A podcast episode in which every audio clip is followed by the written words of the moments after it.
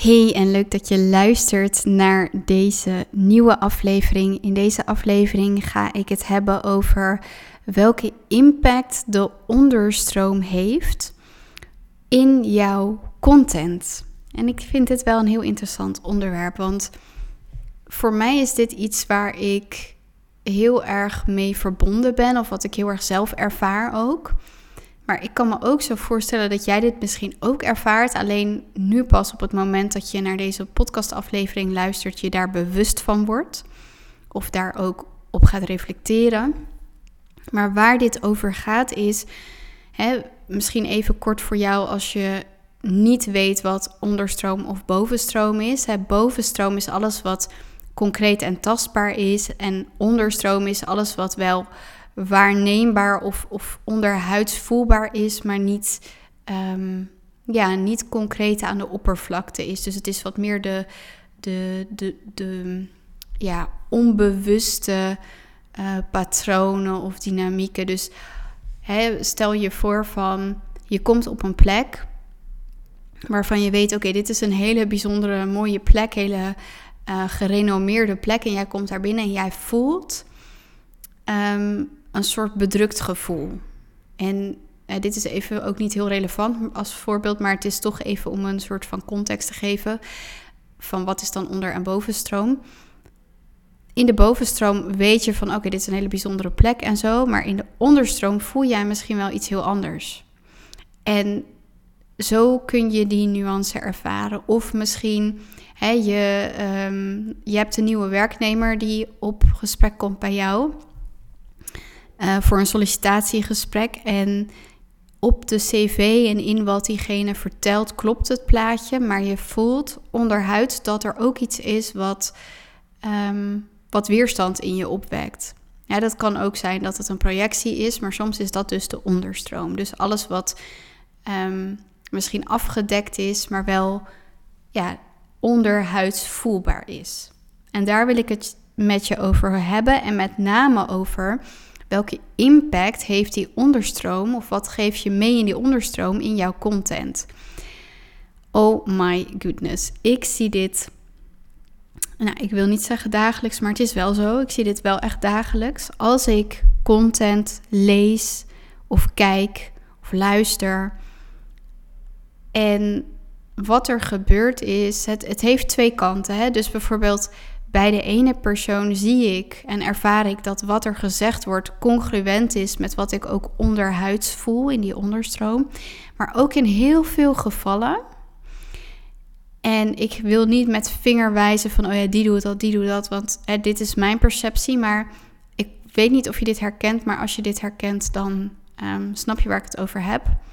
Er worden dingen gezegd en je voelt tegelijkertijd dat het niet congruent is. Of hè, als we kijken naar de duizenden business coaches die er zijn in deze markt, zijn er sommige waarbij je niet zozeer het nodig hebt om echt te lezen wat ze schrijven, maar gewoon intuïtief voelt van, oh ja, deze mensen hebben grote draagkracht, die staan voor iets, die hebben ervaring. En dat is een soort van, in die onderstroom kun je dat voelen kun je voelen hoe krachtig iemand is. Kun je voelen hoe ehm, eerlijk en transparant iemand is. Kun je voelen hoe, um, ja, of dat een match is of niet.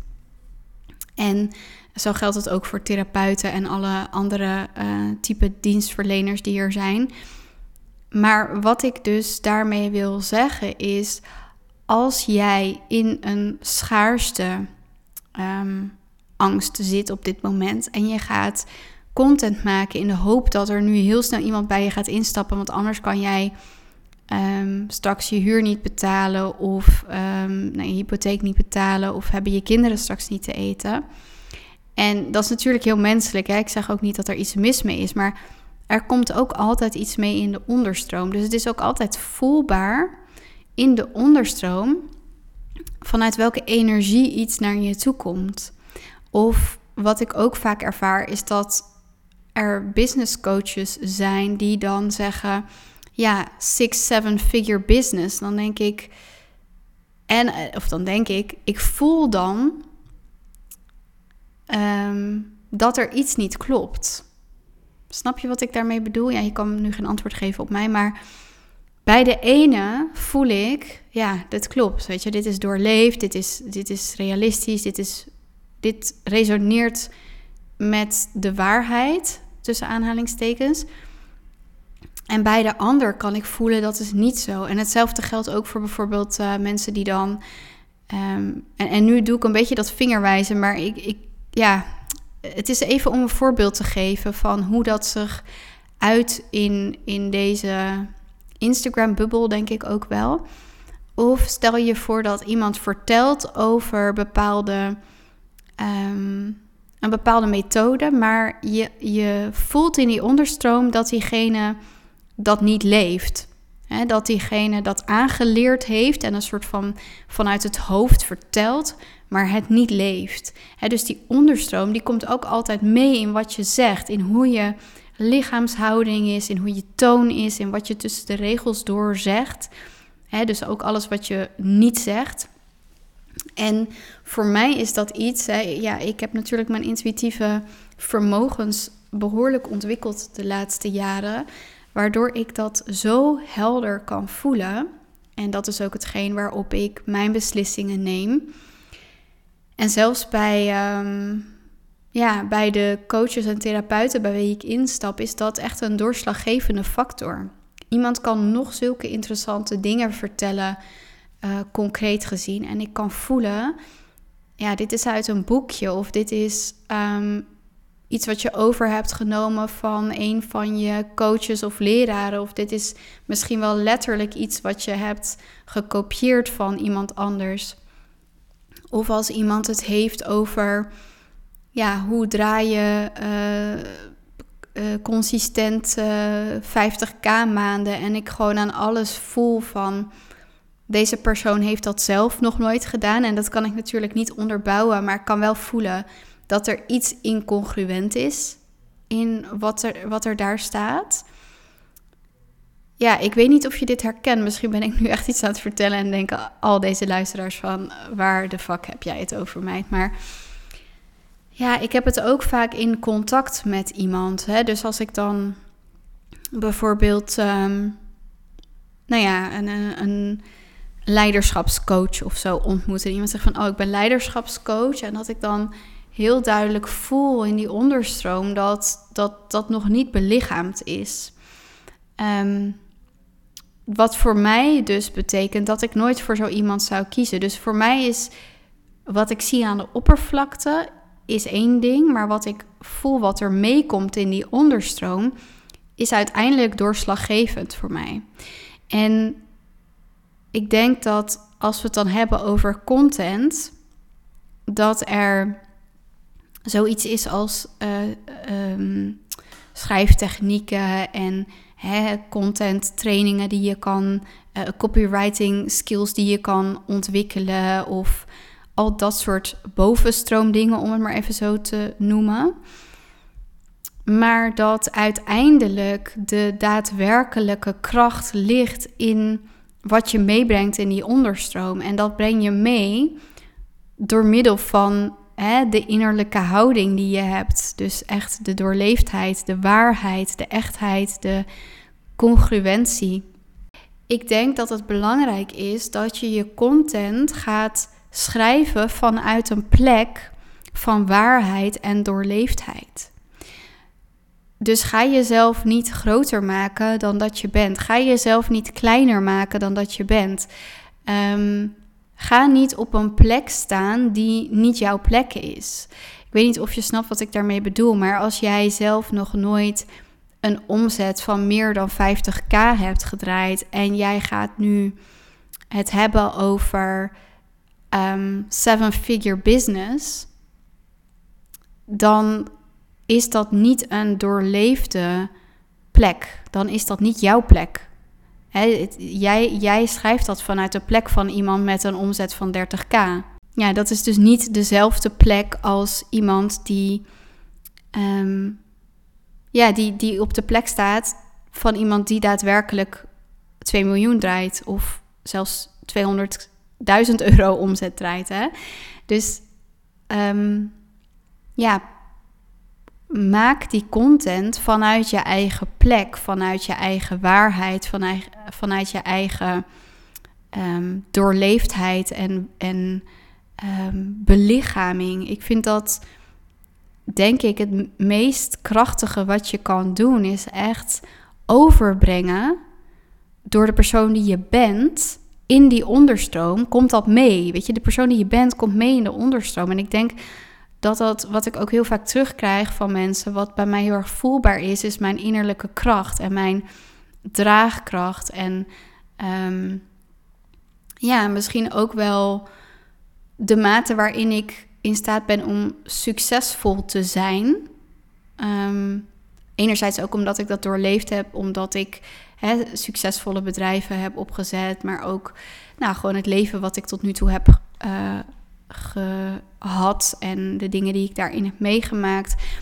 Ik denk dat ondanks dat ik, hè, ik ben maar 33, heel vaak krijg ik te horen dat, dat in die onderstroom er heel veel andere dingen meekomen. Dus in de bovenstroom zie je mijn leeftijd, ook hoe ik eruit zie hè, met mijn leeftijd. Ik zie er niet uit als iemand die 50 is.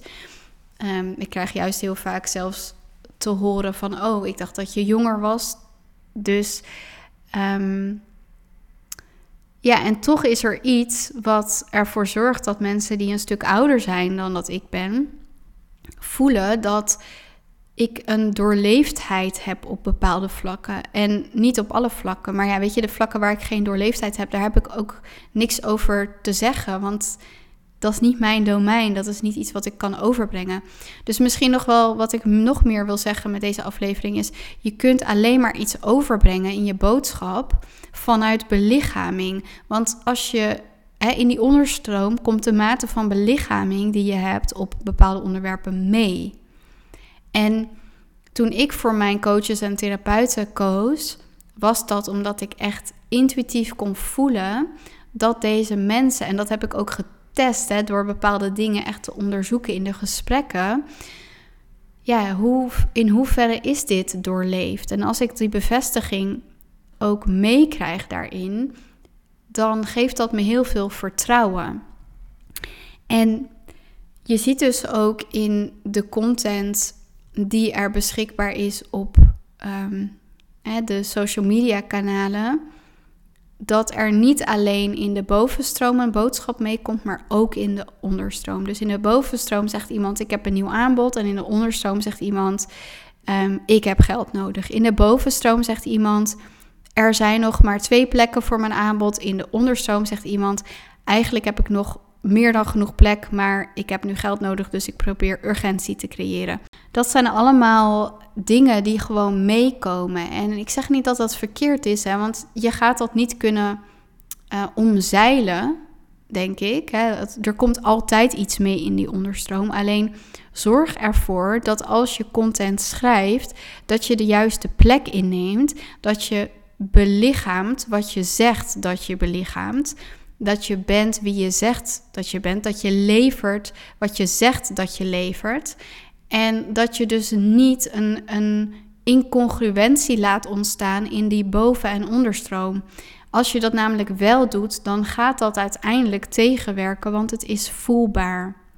En op het moment dat het voelbaar is, wordt het onveilig. En als het onveilig is, dan gaan klanten niet bij jou kopen. Want het allerbelangrijkste in zo'n um, salesproces is dat het eerste wat er nodig is, is dat jouw potentiële klant of cliënt zich veilig voelt bij jou. Als jij A zegt in de, in de bovenstroom, maar B bedoelt in de onderstroom, dan creëert dat onveiligheid. Ik hoop dat dit um, je wat inzicht geeft in hè, wat, wat ik bedoel met onder- en bovenstroom in je content. En misschien ook wel in hoe je dat anders zou kunnen gaan doen. En daar, daardoor ook dus meer de juiste cliënten gaat aantrekken. Weet je wat? Ik hoop dat dit een waardevolle aflevering voor je was. Ik ben benieuwd of dit met je resoneert. Als dat zo is, laat het me vooral even weten. Ook als dat niet zo is trouwens.